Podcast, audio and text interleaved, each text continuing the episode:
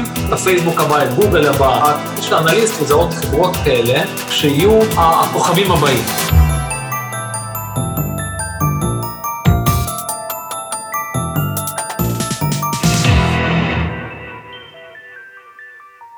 שלום וברוכים הבאים לתוכנית מספר 18 בפודקאסט של טק טיים, עם האנשים שמאחורי הטכנולוגיה. אני יוחאי שוויגר. העורך שלי היום אינו מנהל מחברת טכנולוגיה. סרגי וסצ'ונוק הוא אנליסט בכיר בבית ההשקעות אופנהיימר ישראל, שמספק שירותי אנליזה למשקיעים מוסדיים ומשמש גם כחתם בהנפקות ציבוריות. סרגי מתמחה במניות טכנולוגיה ישראליות הנסחרות בנסדק. ישנן כיום כמה עשרות חברות טכנולוגיה ישראליות שנסחרות בנסדק. בין הבולטות ניתן להזכיר את נייס, אמדוקס, סולאר אדג', צ'ק פוינט, פאלו אלטו, סייבר ארק ועוד. ישנן גם מניות דואליות שנסחרות במקביל גם בתל אביב וגם בארצות הברית, כדוגמת אלביט, נובה, טאוור ג'אז. הבורסה האמריקאית היא אפיק הגישה של החברות הללו לכסף הגדול של המשקיעים הבינלאומיים. חברות רבות עושות קפיצת מדרגה לאחר שהן הופכות לציבוריות, וזוכות בחשיפה בינלאומית. כאנליסט, שנובר בדוחות ובמספרים של החברות, נפגש עם ההנהלות, ועוקב אחר המגמות בשוק, לסרגי יש נקודת מבט מעניינת ומעמיקה על חברות הטכנולוגיה הישראליות. בשיחה איתו, דיברנו על השוק גם מהצד של החברות וגם מהצד של המשקיעים. מדוע כדאי לחברות טכנולוגיה להפוך לציבוריות, ומדוע המקום הטוב ביותר לעשות זאת הוא הנסדק, למה יש בשנים האחרונות פחות ופחות הנפקות, איך מזהים חברת טכנולוגיה שהיא יעד טוב להשקעה לטווח ארוך, וכיצד שינתה הקורונה את מסלול הצמיחה ומודל הפעילות של חברות טכנולוגיה רבות. כל זאת ועוד בשיחה עם סרגי. האזנה נעימה.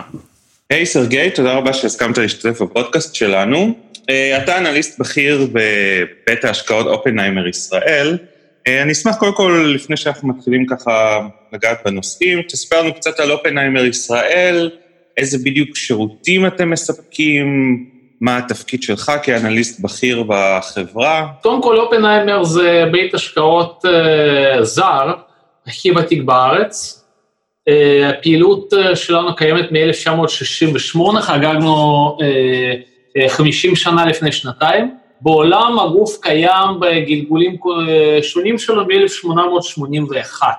בארצות הברית זה נחשב לבית השקעות בוטיק, שהוא יותר מתמחה בדברים אה, מיוחדים, בעיקר בנושא של החברות הצעירות, חברות צמיחה, שזה חברות הטכנולוגיה וגם ביוטכנולוגיה, זה הכוח שלנו בארצות הברית. שאם אנחנו מסתכלים אה, איזה אפיקי השקעה אה, נהנים מביצועים הכי גבוהים, זה בדיוק האפיקים האלה, זה חברות אה, יותר קטנות, יותר יעילות, יותר צומחות, וזה הפוקוס שלנו בחו"ל.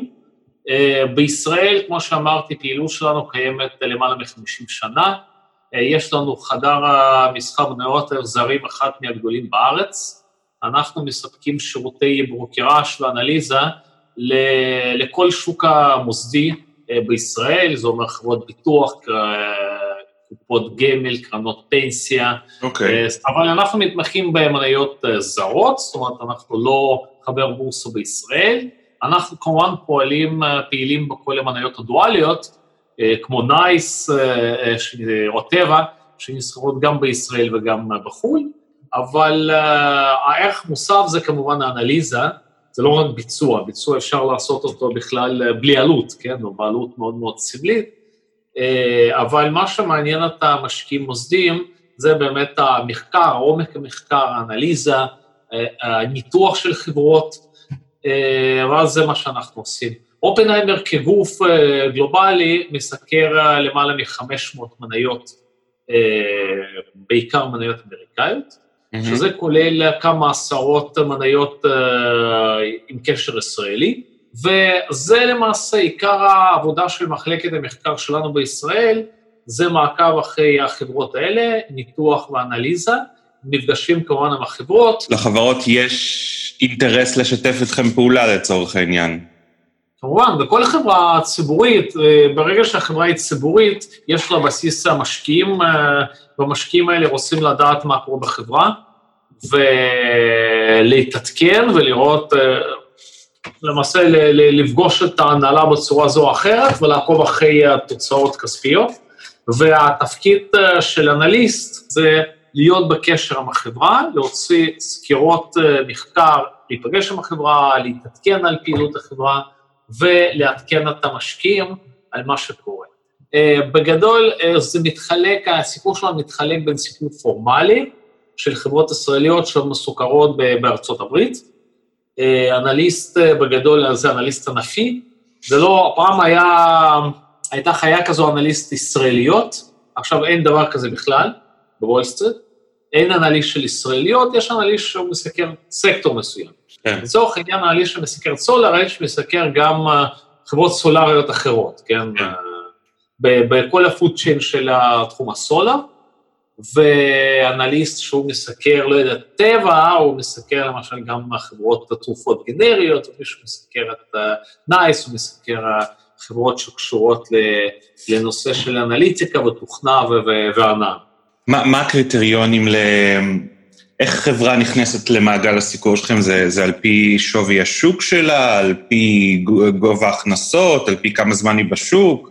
באופן כללי, הקריטריונים זה כמובן שווי שוק, כי שווי שוק זה מין פרמטר כזה כללי, שאפשר uh, uh, לקחת אותו בתור איזה, כאילו כרטיס ביקור של החברה, נגיד אם אנחנו רוצים פרמטר אחד המשמעותי ביותר של החברה, זה כמובן שווי שוק, זה נותן איזה פרספקטיבה אם החברה היא גדולה או קטנה. Uh, גם רמת עניין, הרבה מאוד חברות הן בשווי שוק גבוה, אבל רמת עניין שם יחסית של לקוחות שלנו, ישראלים, היא פחות אה, ברמה גבוהה, אבל בגדול, זה לא חייב להיות הכנסות, זאת אומרת, יכול להיות חברת ביוטכנולוגיה בלי הכנסות, אבל אה, כן. יש לה סיפור מעניין, אז אה, אנחנו כמובן גם אה, אה, מתמחים בזה. חברות טכנולוגיה מצטרפות לבורסה בדרך כלל כשכבר יש להן הכנסות, או גם כמו מניות ביוטכנולוגיה בשלבי ניסוי ופיתוח? לא, אני חושב שבענף הטכנולוגיה, כשאתה מסתכל ומשווה את המצב הנוכחי מול מצב של בועת שנת 2000, שכולם עכשיו מנסים להשוות את המצב הנוכחי למצב של בועה לפני 20 שנה, מעניין לראות כמה הבדלים מהותיים. זאת אומרת, דבר אחד, לא מנפיקים חברות בלי הכנסות בטכנולוגיה ככלל, בדרך כלל, וכל התהליך של ההנפקות הוא תהליך הרבה יותר מבוקר ממה שהיה בבסיס של בועה לפני 20 שנה. מצד הרשויות מניות? מצד ה... מצד ה... אני חושב שזה מצד המשקיעים בעיקר, כי רשויות כמובן זה, יש להן אה, תפקיד מאוד מאוד חשוב, של רשות לניירות ערך והכול, אבל אני חושב שהתפקיד עוד יותר חשוב זה לבנקי השקעות עצמם, mm-hmm. שקיבלו גם בשנות האלפיים, קיבלו הרבה קנסות, הם לא הם עושים עבודה הרבה יותר יסודית מול מה שה... נעשה לפני 20 שנה. אה, מצד המשקיעים, המשקיעים אה, הרבה יותר ביקורתיים אה, לגבי חברה, זאת אומרת, חברה יכולה להיות מפסידה, אבל, וזה לא מונע הנפקה והצלחה בבורסה, אבל כן צריך להיות איזה מסלול של, של צמיחה ומסלול התקדמות, ובסופו של דבר, כאילו, כשאנחנו נדבר על השוואים, מה שבולט מאוד, למרות ששוואים בחברות צמיחה מאוד מאוד גבוהים, אבל יש פער די משמעותי בין חברה באותו פרופיל צמיחה, שחברה אחת היא חברה רווחית וחברה שנייה היא חברה מפסידה. באופן כללי, אני חושב שמסתכלים אחורה, בשנים האחרונות, יש הרבה פחות הנפקות של מניות. אה, מספר הנפקות הוא, הוא לא מאוד גבוה. כי הרבה מאוד חברות לא בשלות, חברות צעירות, חברות בלי הכנסות, חברות במה שנקרא בשלבים מוקדמים, ב-early stage, בדרך כלל החברות האלה, האסטרטגיית האקזיט שלהם זה להימכר לחברה יותר גדולה, mm-hmm. או להימכר לחברה של, לא יודע, private equity בדרך כלל קוראים חברות יותר בשלות, אבל להימכר לחברה יותר גדולה. אנחנו שומעים כל הזמן אה, אה, עסקאות, ש... כמעט כל יום יש איזו רכישה של, אה, של חברת סטארט-אפ ישראלית על ידי איזו חברה אמריקאית גדולה. כמעט כל יום, כל שבוע בוודאות. אה, ובדרך כלל שווים שם הם באזור 100-200 מיליון דולר שווי, כאילו, אה, פה מדובר על חברות בלי הכנסות, הן הכנסות מינימליות, והן חברות בשלבים מאוד מאוד מוקדמים. באופן כללי, כדי להיות חברה גדולה, צריך כאילו, זה לא כל כך קל אה, להפוך לחברה גדולה. והעובדה גם, כשמסתכלים על חברות ישראליות, כמה הנפקות בטכנולוגיה היו לנו ב... נגיד חמש שנים האחרונות, mm-hmm. אפשר לספור את זה על כף יד אחת. ממש okay. אוקיי. כך. על כף יד אחת. האחרונות זה, לנו פייבר וטופין, זה שתי הנפקות ישראליות. רגע, פייבר ומה? פייבר וטופין. טופין זה חברת אה, סייבר, חברה בתחום ה internet security. אוקיי. חברה שהונפקה, אה, ודווקא שם הסיפור הוא פחות, אה, עד עכשיו לפחות, פחות מוצלח מפייבר, כי החברה, זה רק מראה שהסך הכל השוק הוא, הוא די מאתגר גם לחברות שבצורות צמיחה יפה, ופועלות בשוק כביכול חם מאוד. אז אוקיי. זה שתי הנפקות, אני חושב שאם אנחנו מסתכלים מתי היו הנפקות הקודמות של חברות ישראליות בטכנולוגיה, אני לא מדבר עכשיו על ביוטק, כי ביוטק זה משהו אחר לגמרי. אה, בטכנולוגיה, אני חושב שההנפקות האחרונות לפני כן זה היו בדיוק סולארייץ' וסייבר, שזה 2014-2015. אה, אין לך הרבה חברות ישראליות חדשות בנאסדק, יש לך יותר חברות שנמכרות מאשר חברות חדשות שנוצרות. אם אתה מסתכל על סכימה, כמה חברות ציבוריות גדולות, אתה יודע, חברות uh, ציבוריות בישראליות, טכנולוגיה בחו"ל, אז המספר שלהם הולך וקטן. השווי הולך וגדל, כי, כי כל השווים, החברות מקבלות יותר שווים, uh, אבל אין לך חברות חדשות כחסמי כניסה למועדון הזה שנקרא נסדק, הם הרבה יותר גבוהים. הרבה יותר גבוהים, ורואים את זה בעד כמה יש פחות הנפקות, ויש יותר אקזיטים, ויש יותר רכישות של החברות, וזאת הסיבה שהמכפילים עולים, כי בסופו של דבר, ה... כאילו יש פחות חברות איכותיות, והמדגם הוא, הוא לא גדל, מדגם מצטמצם. ובישראליות גם, אתה יודע, כל שנה יש כמה אקזיטים, והיה לנו את מלאנוקס, אקזיט של מלאנוקס, ואקזיט של אורבוטק, שזה חברות, אני כאילו אהבתי אותן מאוד. כן, כן, אני, חייב... מדהימות, מדהימות. אני, מזדהה איתך פה, כי גם אני מאוד אוהב לסקר חברות ציבוריות, כי זה חברות שאתה יכול ללמוד עליהן הרבה. נכון, דרך אגב, זה גם החדשנות, אני חושב שבסופו של דבר המנה הזה, הוא לא עושה, אה, לא הייתי אומר עושה עוול ונזק, כי בסופו של דבר החיים הם דינמיים, אבל אה, אין ספק שחברה שנבלעת בתוך חברה ענקית, היא מאבדת את החדשנות, האנשים עוזבים, או חלקם לפחות, אבל זה גם יוצר בסיס לחדשנות, כי בסופו של דבר הם אמורים להקים חברות שיהיו כמו זום, שיוצאי ובקס אה, יצאו מסיסקו, הקימו זום, ועכשיו זום, אה, לא יודע מתי תעקוף את סיסקו בשווי שוק, נראה לי ייקח זמן, אבל תשמע, זה כאילו אף אחד לא, לא ציפה שהחברה הזאת תגיע ל-70 מיליארד דולר. אה, ואתה יודע, יכול להיות שגם, תראה, סולארג' זו דוגמה מצוינת, סולארג' זו חברה, אני חושב, מאוד מאוד ייחודית, חברה שבאמת אחת מהחברות הבודדות מעוד מעידן של צ'ק פוינט, שהצליחו ליצור מובילות בקטגוריה וליצור קטגוריה כאילו בפני עצמה, שזה די מדהים. אתה יודע, זו חברה שלדעתי תגיע לעשרה מיליארד דולר שווי, ויכול להיות שהיא גם uh, תירכש על ידי איזה טסלה או מישהו. אז חברות טובות, בסופו של דבר, מה שיפה בחברות טובות, שהן גם יחסית יותר יקרות מהממוצע, שאי תמיד קונה.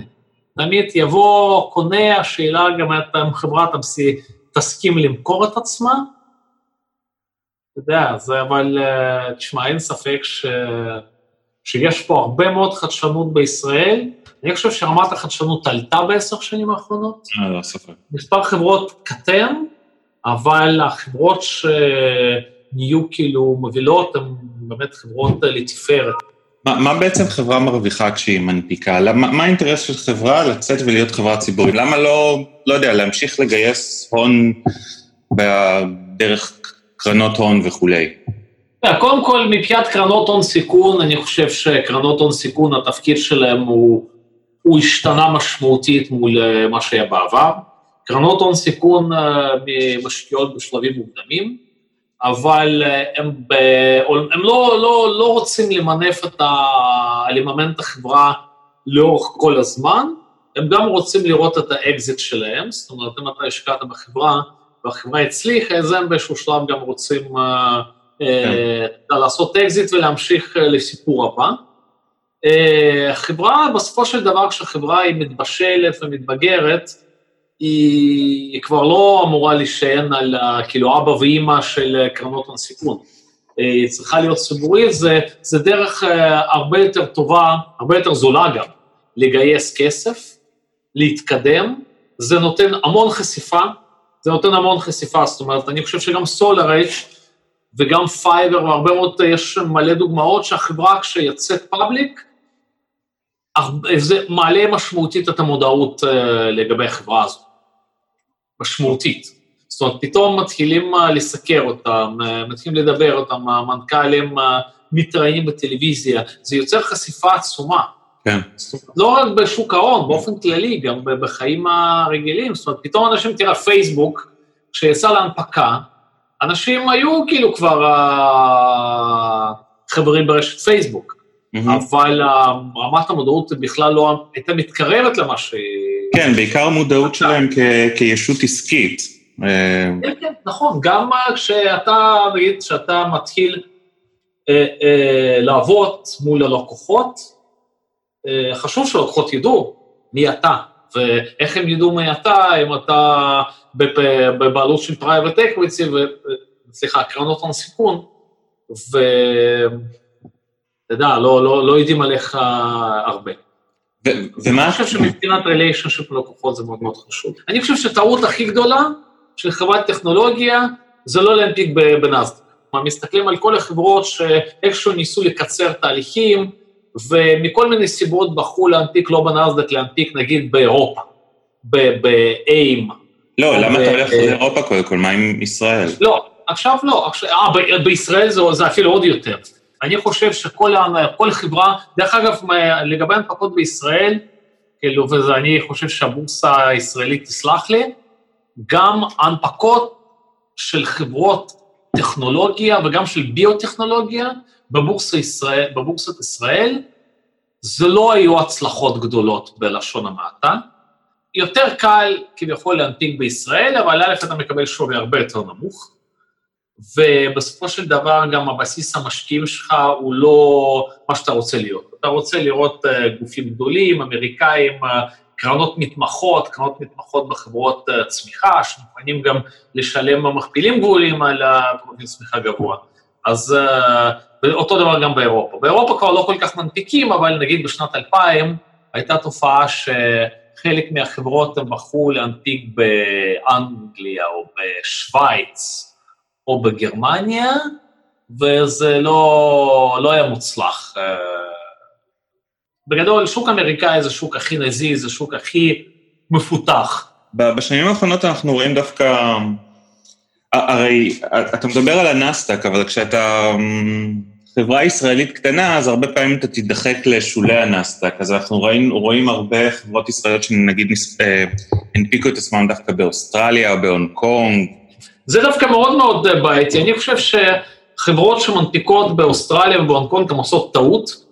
באוסטרליה בכלל, כי באוסטרליה, עד כמה שאני אה, מכיר, ואני לא מכיר יותר מדי, אבל באוסטרליה המגבלות של הרישום הן הרבה יותר גמישות מנגיד בנאסדק, ואפילו נכון. באירופה.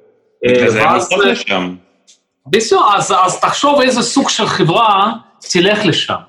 בסופו של דבר אה, אנחנו רוצים, וזה מאוד מאוד חשוב גם באנליזה, להבדיל בין חברה טובה, איכותית, וחברה פחות איכותית.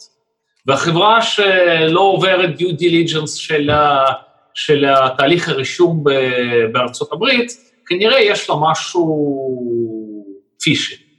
לא, לא בכל אחת, אבל uh, אני חושב שבחברות אוסטרליות היו הרבה מאוד, uh, כאילו בחברות שרשמו uh, את עצמם באוסטרליה, הרקורד שם הוא לא, הוא לא מושלם. גם מבחינת השווי וגם מבחינת הבסיס המשקיעים שלך, זה, זה הכל מתכנס אותו דבר, זאת אומרת, חברה, חברה מקבלת שווי גבוה ומכפיל גבוה, גם בגלל שיש לה בסיס המשקיעים יותר רחב, והמשקיעים יותר גדולים ויש לנו יותר כסף להשקיע. דרך אגב, אחד מהדברים שלדעתי מאוד מאוד בולט, בתקופה האחרונה, אתה מסתכל על חברה הישראלית כלשהי, נגיד מיטקאפ, חברה לא, לא הכי גדולה, אבל רוב החברות הן כאלה, ואתה רואה שבעלי מניות הכי גדולים שם בחו"ל, זה בלייק זה קרנות של איישרס, זה קרנות ETF. זה אינדקס פאנס שקונים את המניה הזו לא בגלל שהם. רוצים כן. לקנות מניה הזו ספציפית, אלא בגלל שהיא נכללת למדד ראסל כן, 2000 גרוף, למשל. כן. אמ, אגב, אני חושב שבאוסטרליה קצת מדיבורים שלי עם חברות שנסחרות שם, שמצד אחד הבורסה עצמה עשתה הרבה רפורמות כדי למשוך חברות טכנולוגיה, כדי למלא את הפער של כל חברות הגז והזה שהפכו להיות uh, שלדים בורסאיים, אבל השוק עצמו, המשקיעים עצמם, מאוד לא tech-oriented, אז, אז mm-hmm. קשה, קשה למשוך, זה הרי לא מדינה עם איזו אוריינטציה טכנולוגית במיוחד, אז קשה לך למשוך את המשקיעים, אבל זה דיון אחר. אה, אז בוא, בוא קצת ננסה להגיע ל... מה זה להיות אנליסט ואיך אנליסט ניגש לחברה, איך אנליסט ניגש לחברת טכנולוגיה. נגיד, קיבלת לידך אה, משימה חדשה לסקר איזושהי חברה אה, שעוסקת בטכנולוגיה. איך, איך אנחנו ניגשים ומנסים לאמוד את טיבה של החברה? אז קודם יש, כל... יש מתודה, יש כללים, זה, זה, זה, זה, זה תחושות בטן, זה... אז קודם כל, תחושות בטן זה משהו שנבנה לאורך שנים. אז אה, אין תחליף לניסיון. אני חייב להגיד, אה, באנליזה, כמו בכל דבר אחר, דרך אגב, אין תחליף לניסיון. בסופו נכון. של דבר, ההיכרות שלך עם החברה, ככל שזה עובר יותר זמן, עם הנהלת החברה, אני רוצה לדייק, כי החברה, ההנהלה יכולה להשתנות, ואז גם מסלול החברה משתנה ב-180 מעלות, והיו מקרים כאלה בעבר, אבל uh, ככל שיש לך יותר היכרות עם אנשים שמנהלים את החברה, uh, זה עוזר לך מאוד באנליזה. מעבר לדברים של הפונדמנטליים, של ניתוח דוחות כספיים, וכמובן הערכת שווי ודברים כאלה. אבל זה, זה דווקא מעניין, מה הכוונה אנשים? מה, אם הם נחמדים או לא נחמדים? אם הם לא, רהוטים לא, לא, או לא רהוטים? אם... לא, אה, לא, זה לא עניין של רהיטות, זה עניין, תראה, בסופו של דבר, מה שמשקיע מחפש, הוא מחפש שחברה, אה, את ההתאמה בין מה שחברה מספר, מספרת, משדרת, ומה שקורה בפועל. Mm-hmm, okay. אבל אה, תראה, בסופו של דבר, הרבה מאוד סיפורים אה, אה, קשים, הם קרו בגלל שהחברה שידרה משהו אחת ובפועל קרה משהו אחר. עכשיו, כמובן, זה יוצר גם אה, הרבה מאוד תחושות אה, לא טובות בקרב המשקיעים, אם אה, זה לא עומד בציפייה. אמרת אה, WeWork, כן? ויוורק, כן, כן. תראה, ויוורק זו חברה שלא הגיעה לבורסה, ודרך אגב, זה גם רק מחזק את התזה שכל התהליך של רישום אה, לבורסה זה לא תהליך אה, פשוט, זה לא שכל חברה אחת, כל אחד יכול להנפיק בכל שווי שהוא רוצה. כן. זה ממש לא נכון. זאת אומרת, אה, אולי כאילו מדברים שיש לנו בועה בשוק והמניות הצמיחה מקבלות שווים גבוהים, אבל בפועל אתה רואה שהחברה טובה מקבלת שווים גבוהים, חברה פחות טובה מקבלת שווים נמוכים. עכשיו, זה גם בסופו של דבר, הרישום של החברה כחברה ציבורית והחשיפה של, ה, של החברה לבסיס רחב מאוד של משקיעים, משקיעים מקצועיים, חייב להגיד, אה, זה מה שעושה את, ה, את הערכת שווי אמיתית. בסופו של המשקיעים הם קובעים אה, כמה חברה שווה, לפי מה שהחברה גם מספרת ומה שהיא מבצעת, ו- ו- ואנחנו רואים את זה, סך הכול זה, זה היופי של להיות חברה ציבורית. אבל אם אנחנו מסתכלים על החברה צעירה, אז התהליך הוא מתחיל אה, למעשה מהנפקה. זאת אומרת, אנחנו, בואו בוא ניקח אה, דוגמה של חברת פייבר, שזו חברה צעירה יחסית, הונפקה לפני שנה וקצת, אה, ממש כאילו case study, כן? ואנחנו היינו בחיתום, אנחנו היינו בין החתמים, התהליך הוא מתבצע עם חתמים שהם מארגנים, זו קבוצה שלמעשה גם אה, מנהלת את ההנפקה מבחינת ההפצה של מניות למשקיעים, וגם מבחינת הכיסוי האנליטי לאחר מכן, שזה מאוד מאוד חשוב. זאת אומרת, זה נותן למעשה לחברה שתי מטרות. אחת, כיסוי וחשיפה לפני קהל משקיעים, רחב מאוד, ודבר שני, שהחתם הוא יודע אה, להקצות מניות במסגרת הנפקה למה שנקרא ידיים חזקות, למשקיעים כן. שישארו עם החברה לאורך זמן ולא יזרקו את המניה ביום ראשון של, ה, אה, של ה trading. אה, כשיש הנפקה, אז החברה מוציאה תשקיף, והתשקיף הוא מספר את הסיפור של החברה. ועל בסיס התשקיף, זה הידע הראשוני שהאנליסט מקבל uh, על החברה. דרך אגב, אנליסטים שמסקרים אותם בוולסטריט נפגשים בחברה גם לפני הנפקה, ועושים, uh, אתה יודע, בחינה של עצמם, אבל זה לא קשור אליי, כי אני לא, אני לא מעורב בהנפקות האלה, אז uh, אני רק מספר ממה, איך זה מתבצע בוולסטריט. אוקיי. Okay. אז אנליסט כבר יש לו היכרות עם החברה, אבל היכרות מאוד מאוד ראשונית כמובן. Uh, למעשה אנליסטים התהליך הנפקה הוא התחיל, מתחיל הרבה לפני ההנפקה עצמה, כי כאנליסט, שהוא מגיע, נגיד אנליסט האינטרנט שלנו, שהוא מגיע לישראל, הוא חלק מהלו"ז שהיה מגיע לישראל פעם. עכשיו זה הכל וירטואלי. אז uh, הוא הולך לפגוש גם חברות פרטיות. חברות פרטיות שיש להן סיכוי להנפיק, הוא צריך להיות, uh, להכיר את החברה, וככל שאתה מכיר את החברה יותר זמן, זה האינטואיציה שלך יותר טובות, ויכולת uh, שלך להבין את החברה יותר טובה. Mm-hmm. אז uh, אתה, בעיקרון ההנפקה היא מתבצעת לפי התשקיף, בתשקיף אתה יכול למצוא את uh, כל המידע לחברה, כולל גם סיכונים, סיכוני השקעה זה חלק מאוד מאוד מהותי בתשקיף.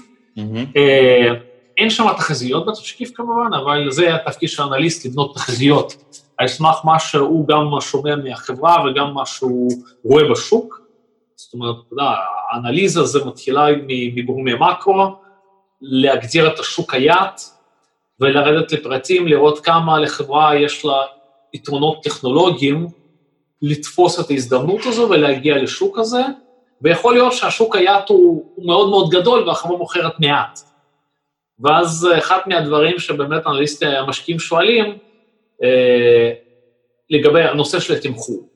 אם אתה מסתכל למשל על פייבר, אני חושב שזו דוגמה באמת מאוד מאוד טובה. אה, אה, לסיפור הזה, מניית פייבר הונפקה ב-21 דולר, וזה היה ביוני. זה היה בדיוק לפני שנה. רגע, 21 דולר, אבל איזה market cap? הונפקו 6, מנה, 6 מיליון מניות לפי 21 דולר, mm-hmm. זה אומר 120 מיליון דולר אה, גיוס. לחברה, לפי שווי שוק של, לדעתי זה היה 6. אה, ואז אה, מניה עלתה, מניה נפתחה והגיעה אפילו ל-35 דולר או משהו כזה, ואז אחר כך היא ירדה. עכשיו, מה שקרה בתקופה של קורונה בעיקר, וגם קצת לפני, אבל קורונה, אני חושב ששימשה כזרס לצמיחה בפעילות של החברה, החברה, מה שהיא עושה, היא מתווכת בין הפרילנסרים, אנשים שמבצעים עבודות מתרגמים, מעצבים, אה, מורים פרטיים. מעצבים, אה, מתרגמים, כן, אה, כן, לוגוים, כל מיני דברים כאלה. מצד אחד, מצד שני, לקוחות שרוצים, לקוחות הם יכולים להיות אנשים פרטיים, יכולים להיות ארגונים, שרוצים משהו דיגיטלי, נגיד שירותי תרגום, אתה נכנס לאתר של פייבר, אתה מוצא בכל מיני רמות, כל מיני אנשים, ועם מחיר מוגדר, ואורך הפרויקט מוגדר, זאת אומרת, אומרים לי, יש לך פה תרגום אה, של, לא יודע, של אלף מילים, בשלושה ימים. כן.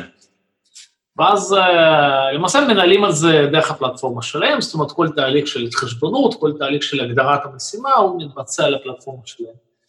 ובתקופה של קורונה, בגלל שאנשים אה, נהיו פחות ניידים, ויש עבודות שצריך לבצע, וגם יש הרבה מאוד אנשים שיושבים אה, בבית, בחל"תים או בבית, כאילו, במסגרת העבודה, הם, היה להם כנראה גם יותר זמן פנוי גם להתעסק בזה, במצב של מספקי השירות.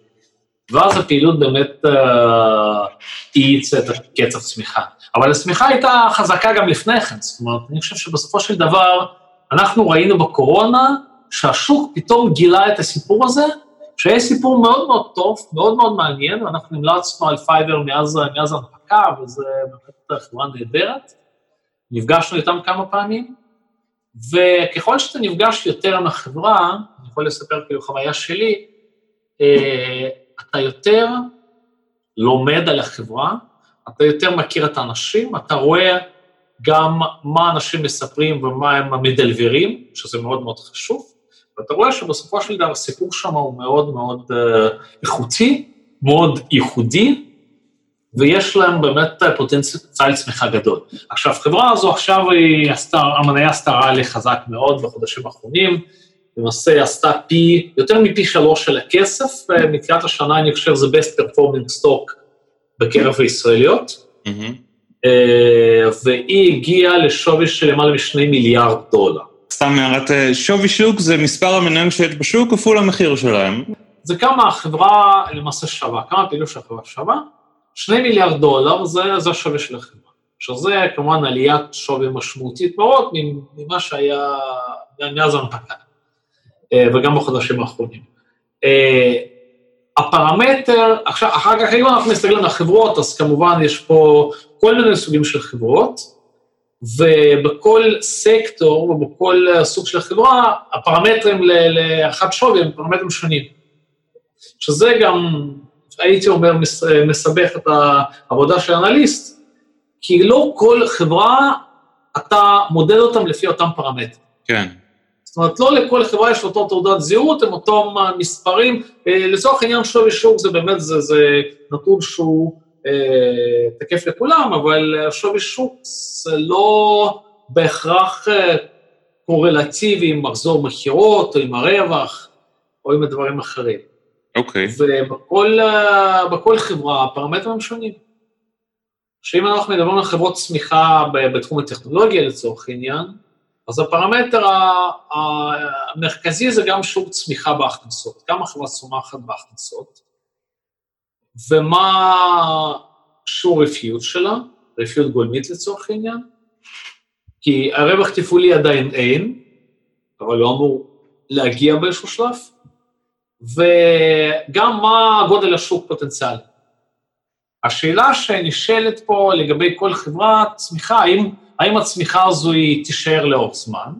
כי אם היא תישאר לאורך זמן, אז החברה גם תגיע לרווחיות, גם תייצר רווחיות יפה, כן? אה, ודבר שני, מה המנוף התפעולי?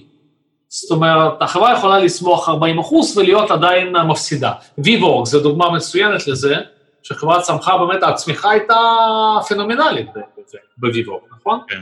אבל ככל שהיא צמחה יותר, גם ההפסידים שלה גדלים. כן. ואז בסופו של דבר, כשאתה, אותו דבר באובר דרך אגב היה, ואותו דבר בעוד כל מיני חברות שלא כל כך uh, הצליחו ב, uh, בתור חברות ציבוריות. זאת אומרת, אתה מדבר על חברות שההוצאות גבוהות מאוד? ההוצאות גדלות בקצב יותר גבוה מהכנסות. אז uh, אתה מצפה לראות uh, על צמיחה של איקס uh, אחוזים, צמיחה, גידול בהוצאות יותר מתון. ואז זה יוצר מה שנקרא מנוף תפעולי. זאת אומרת, בסופו של דבר, מה שאתה רוצה לראות בחברה, שאם היא תצמח אה, אה, ב-X אחוזים בהכנסות, הרווח יצמח בשיעור יותר גבוה, נכון? ואז אה, באובר זה היה בדיוק הפוך. דרך אגב, לא רק באובר, בפייסבוק זה היה לפני שנה מצב דומה. כי הצמיחה שם, היא הייתה בעקבות כל, ה... כל הבעיות של פרטיות, כן. אז גם החברה אה, החמירה מדיניות, אה, מדיניות אה, פרסום, זאת אומרת, שימוש בנתונים של המשתמשים, וזה כמובן פגע בצמיחה. אוקיי. Okay. וזה, וזה מה שגרם לביסוי חסר של מניית פייסבוק, ועכשיו כמובן אה, זה נראה שזה כבר מאחוריהם והם אה, חוזרים לצמיחה, לצמיחה יפה.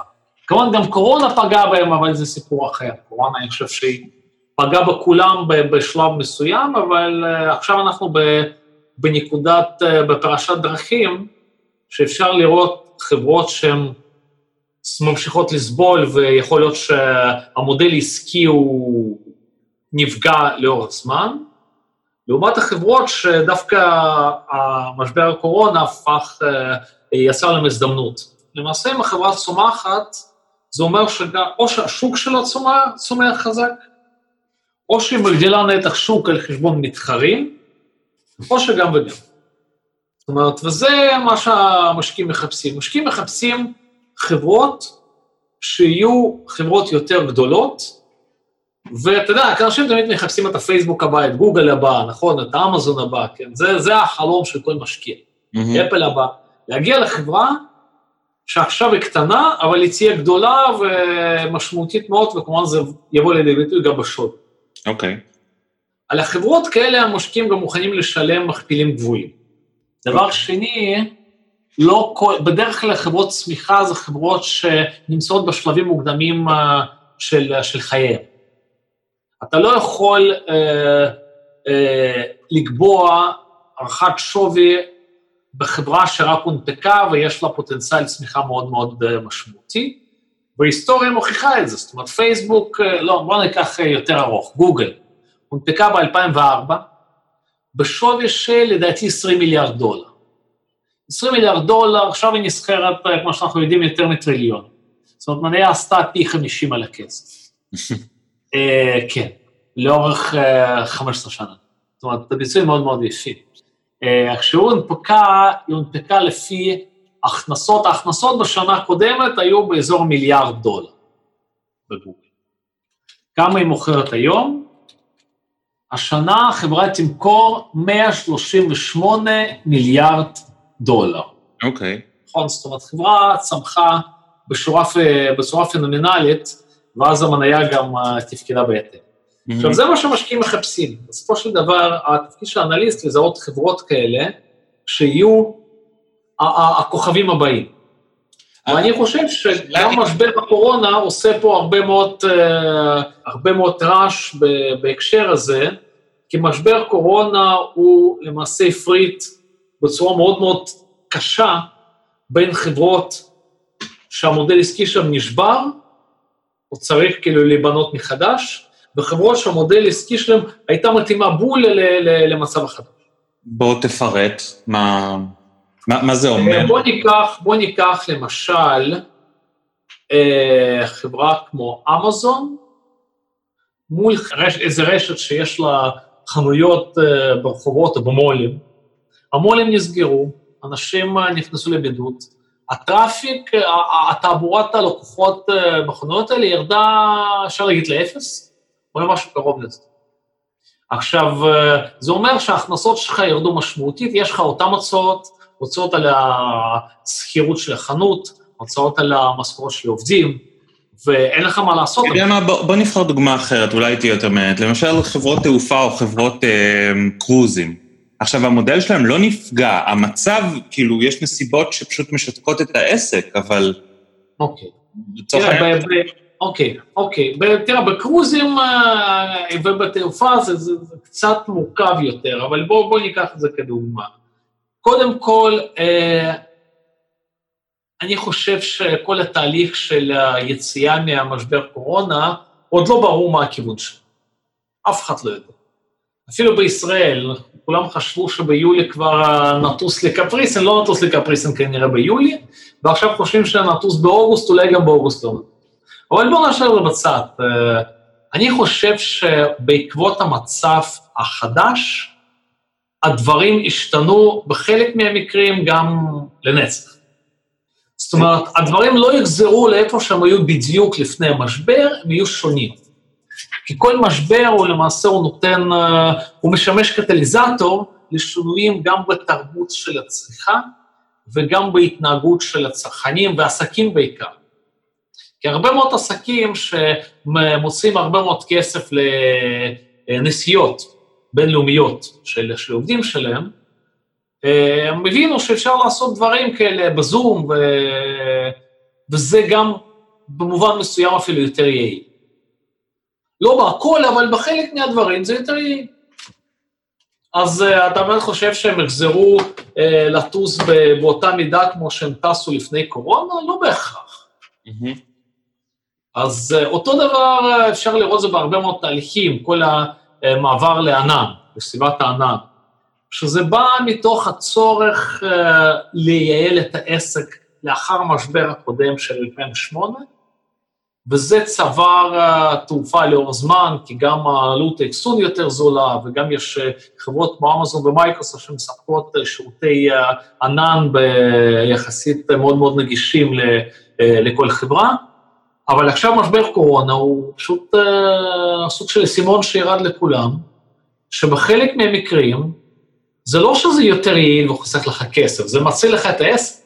כן, כן. כי אין לך דרך אחרת כאילו לתפקד. עכשיו, הרבה מאוד חברות שלא חשבו על המודל של e-commerce, או על המודל של הענן, או על המודלים הווירטואליים אחרים, הם עכשיו חושבים על זה מאוד מאוד ברצינות. אבל אם אנחנו מתמקדים בתוך מגזר הטכנולוגיה, אנחנו יכולים להבדיל בין חברות שזה פגע בהן יותר, כי בסופו של דבר, כשאנחנו מסתכלים על ה-V-shape הזה, הוא זה כמעט לכל מניות הטכנולוגיה, אה, בין אם זה צ'יפים ובין אם זה פייסבוק, ואיפה אתה רואה את זה בתוך מניות טכנולוגיה, את ההבחנה הזאת בין מודל עסקי שיותר תואם לבין מודל עסקי שפחות okay. אוקיי. תואם.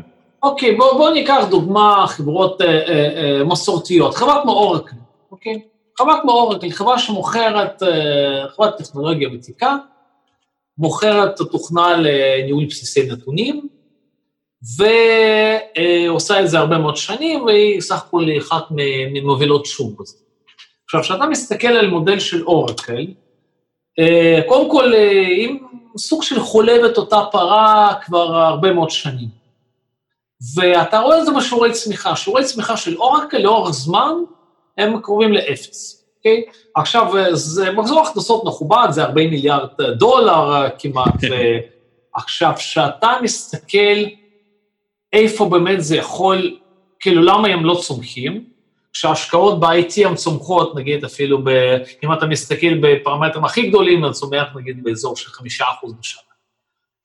איפה זה בא לידי ביטוי? החברה הזו מאבדת נתח שוק כל הזמן לחברות ענן, לחברות שמספקות אותם שירותים בסביבת הענן. עכשיו, אורקל, רוב ההכנסות שלהם זה מגיע משירותים, ממיינטננס, מדמי התחזוקה, על מוצרים שהם מכרו אולי לפני 20 שנה. אוקיי. אוקיי, אז uh, הרבה מאוד חברות, הן uh, עכשיו חושבות מסלול מחדש, ואולי הם uh, חושבים, לא, בסופו של דבר, גם uh, יחתכו את אורקל, בתור, גם בתור ספק של uh, שירותי תחזוקה, זה כמו שאתה משלם, אתה יודע, לחברת כבלים, uh, מאות שקלים בחודש, ופתאום אתה מגלה שיש לך נטפליקס, שאתה יכול לעבור לנטפליקס, לשלם, לא יודע, 30 שקל בחודש. לקבל אותו דבר. אוקיי. Okay. אז uh, זה קורה בצרכן כבר הרבה זמן, אחרי המשבר זה קורה בעוצמתו, אבל במגזר הארגוני אני חושב שזה התחיל לקרות רק בשנים האחרונות. במשבר קורונה באמת האיץ uh, את התהליכים האלה. יש לך, ופה אנחנו באמת uh, באים להבדיל בין חברות שהן מוגדרות כצמיחה וחברות מוגדרות כ-value, שהפרמטרים, דרך אגב, וורן באפט, זה אחת מאולי ה... סיפורים אה, אה, בולטים של השנה הנוכחית, שוורן באפט, הוא, הוא לא הצליח כל כך השנה, נכון? כי הוא value? כי, כי הוא value, בדיוק. כי הוא היה מושקע בעונת הבנקים, ובחברות תרופה שהוא מכר אותם, אבל, אה, ובקראפט חיינס, אתה מסתכל על מניה של וורן באפט, בערך של חזרי, היא ירדה מתחילת שנה. ירדה אפילו בצורה די חדה. מה זה אומר לנו? שבאיזשהו שלב אנשים מתחילים, אה, משקיעים, מתחילים לחשב מסלול מחדש, ואולי אה, מסתכלים על דברים אחרים. זאת אומרת, אולי השיטה שעבדה כל כך הרבה שנים, אולי השנה פחות עובדת, כי יש פה disruption של המשבר כן. הקורונה. אוקיי. פה כזה ניגע קצת בקצרה על עוד שתי שתי מגמות שתפסו כזה כותרות בקורונה ולראות אם הם, אה, אם זה עדיין רלוונטי, נגיד טלמדיסן אה, ומניות ה... אה, וחברות כמו זום, השיחות נכון. מרחוק. האם המגמות האלה עדיין בתוקף? תראה, בסופו של דבר, כמו שאמרתי קודם, משבר הוא יוצר הזדמנות ארוכת הטווח. כל משבר יוצר הזדמנות ארוכת הטווח שלא נגמרת כשמשבר עובר. כי ההתנהגות של עסקים ושל הצרכנים משתנה ואין לדרך חזרה. זה מה שאנחנו ראינו באי-קומרס, בעקבות המשבר של 2008, ראינו פריחה באי-קומרס, וזה לא נגמר עם זה שהכלכלה התחילה להתאושש אה, אחרי 2009. Mm-hmm. אותו דבר אני רואה עכשיו, כי הרבה מאוד עסקים הם שינו את התפיסה של איך העסק מתפקד ואיך הוא מתקשר עם הלקוחות, mm-hmm. ואיך האנשים מתקשרים אחד עם השני, ואיך אה, אפשר לייעל את, את, את העסק. אני חושב שבאופן כללי, טלמדיסון זה שוק עם, עם פוטנציאל אדיר. כן. באופן כללי, אה, התחום שהכי בשל לדיסרפשן, אפשר להגדיר את זה, זה תחום הרפואה. בסופו של דבר יש הרבה מאוד תחומים שהם נראים אה, כאילו יש פער ענק בין מה שאפשר להשיג ומה שיש בפועל. ועכשיו משבר הקורונה זה סוג של זרס כזה, זאת אומרת, אה, אפשר לקדם את הנושא הזה, ואני חושב שאין פה דרך חזרה. זאת אומרת, טלמדיסון זה יהיה גדול, אבל קשה לי להעריך באמת, אני פחות מומחה בתחום הזה. בואי נדבר על דברים של וידאו כבר, זום ואחרים. אה, תראה, כשזום יצא להנפקה, קודם כל זום קצת רקע, מה זה זום? זום זה אנשי, יש חברת ובקס, שהיא חלק של חברת סיסקו. ובקס זו חברה שהייתה מספקת שירותי video conference לפני הרבה שנים, והיא נרכשה על ידי סיסקו, לדעתי לפני אה, משהו כמו עשר שנים, אולי אה, יותר. אותו צוות של ובקס שנרכש על ידי סיסקו עזב והקים את חברת זום. והם בנו אותה מלכתחילה על עקרונות של בסיס אה, מנועים בענן. זאת אומרת, אמרו, אנחנו לא רוצים להיות חברת חומרה, אנחנו נהיה חברה שתספק שירותים על בסיס מנועים. ותלך לעסקים יותר קטנים, יותר יעילים, עם יותר מגבלות של התקציבים. עכשיו, אה, ככה הם הנפיקו. בבורסה, והשוק אהב על זה, כי סך הכל זה פתרון מאוד יעיל, אז בעיקר לעסקים קטנים ולחברות טכנולוגיה, ומישהו מחפש יעיל. אה, עכשיו, מה שקרה עם קורונה, זה פשוט טרף את כל הקלפים. כי כולם התחילו להשתמש בשיחות וידאו, ומסתבר שפתרון של זום, מסתבר כפתרון הכי טוב. אני יכול להגיד לך, אני עשיתי שיחות ועידה בשבועות האחרונים, לדעתי עם כל אמצעי תקשורת, אם זה חמש או שש פלטפורמות שונות, אין כמו זום. אין, לא ספק. אין. זה משהו שהוא בפער ענק מול כל דבר אחר, מכל הבחינות. עכשיו, מה שקורה, האם השווי של 70 מיליארד דולר מוצדק או לא, קשה מאוד להגיד. יש פה איזו מהפכה שלא נגמרת בשנה הזאת. אבל אתה מדבר על פתרון, אבל לזום יש מודל עסקי? הנה, אנחנו עכשיו מקיימים את השיחה הזאת בחינם, בלי שום פרסומת. פה אנחנו מדברים על פתרון שהוא פתרון ארגוני. ארגונים מוכנים לשלם כסף. כן. עכשיו, אה, אם אנחנו מסתכלים כמה פתרונות video conferencing אחרים מוכרים, בסופו של דבר זה גם עניין של גידול שוק עצמו, שאין ספק שהשוק הזה ילך ויגדל וקצב צמיחה שלו יאיץ משמעותית. וגם עניין של אה, כמה אתה לוקח נתח שוק מאחר. שבזום לצורך העניין כנראה הם לוקחים נתח שוק מוובקס של סיסקו, ומפתרונות אחרים, ראיתי יש BlueJeans שלדעתי זה שייך לדירייזון, uh, ויש עוד כל מיני חברות, פתרונות שנרכשו על ידי חברות אחרות. עכשיו, בסופו של דבר, שזה, יש הבדל משמעותי בין מישהו שהוא חברה עצמאית והיא עובדת על product, לבין איזו מחלקה בתוך איזו חברת, אה, כן. חברת ענק, שהמוטיבציה היא אחרת לגמרי, כן? של, של אנשים שעובדים על ה product. גדולות, אין להם את היכולת להתחרות, אה, to disrupt. אין להם את היכולת, זה כמו שאנחנו, אפשר לעשות דיון על טסלה, האם טסלה כאילו תהיה אמזון הבא? אני חושב שכן. אה, ואני חושב שטסלה, כאילו, אף חברת רכב לא תתקרב לטסלה. רגע, באיזה... זה לא שיבוא BMW עם איזה רכב חשמלי ותהרוס את טסלה, אני חושב שזה יהיה בדיוק הפוך. כי המנטליות, כאילו, היופי של חברות צעירות, שאין להם את הלגסי. אין להם את הלגסי, הם, הם לא צריכים לספק את הצרכים שכאילו כבר די מיותרים, אבל אתה חייב לספק אותם, כי אתה יודע, בנית חברה לאורך זמן. כן. זה בעיה של חברות כמו אורקל ו-IBM וכאלה. מאוד מאוד קשה או סיסקו. אה, אין לך חדשנות, כאילו, ברמה של כל החברה.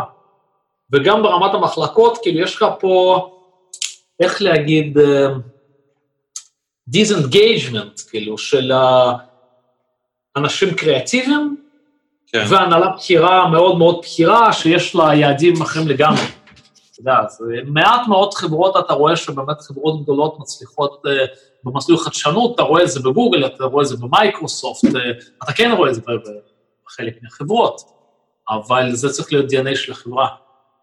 זה מעניין, אה, זה, זה, זה חוזר למה שאמרת באמצע, שבסופו של דבר זה אנשים. ו...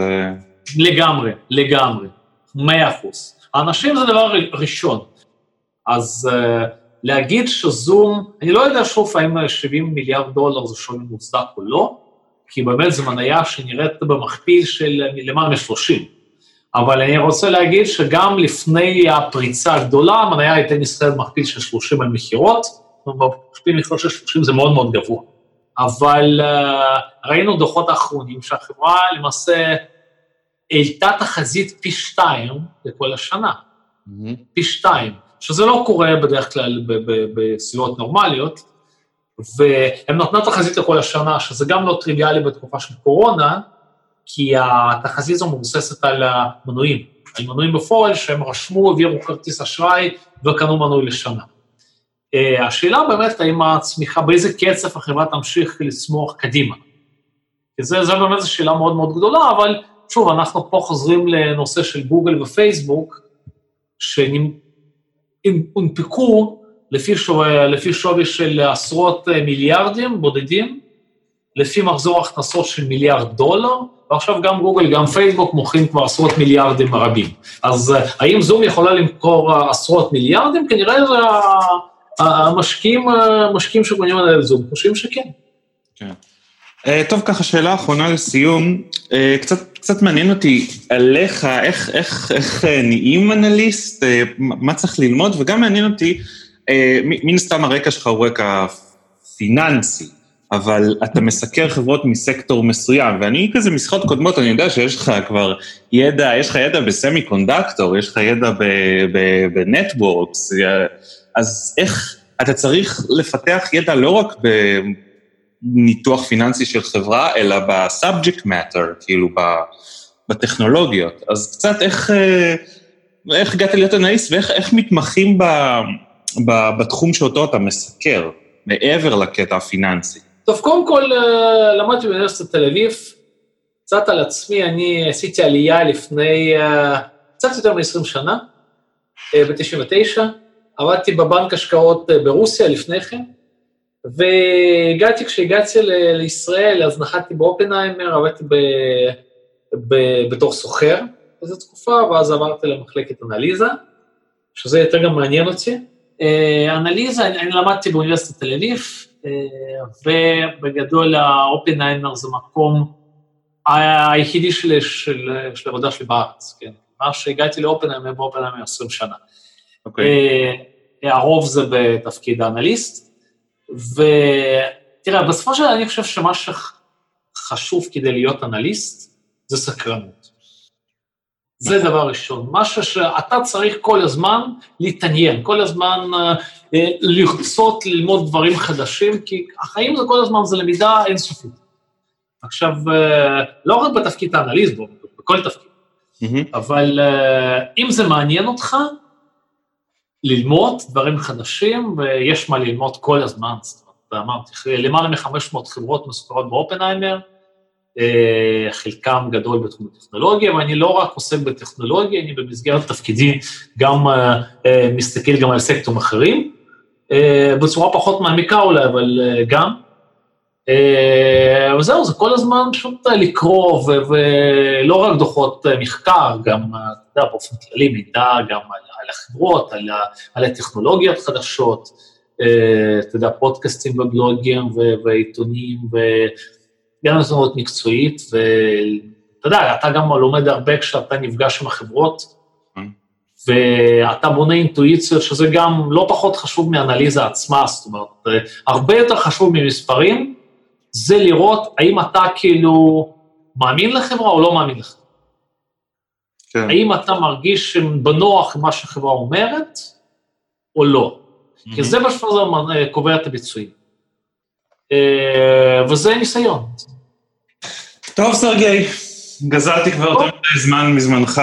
אה, מאוד נהניתי מהתקופה הזאת, מאוד מודה לך. תודה רבה על ההאזנה, אני מקווה שנהניתם. אתם מוזמנים להמשיך ולעקוב אחר הכתבות באתר שלנו, techtime.co.il, להירשם לניוזלטר ולהקשיב לפרק הבא בפודקאסט.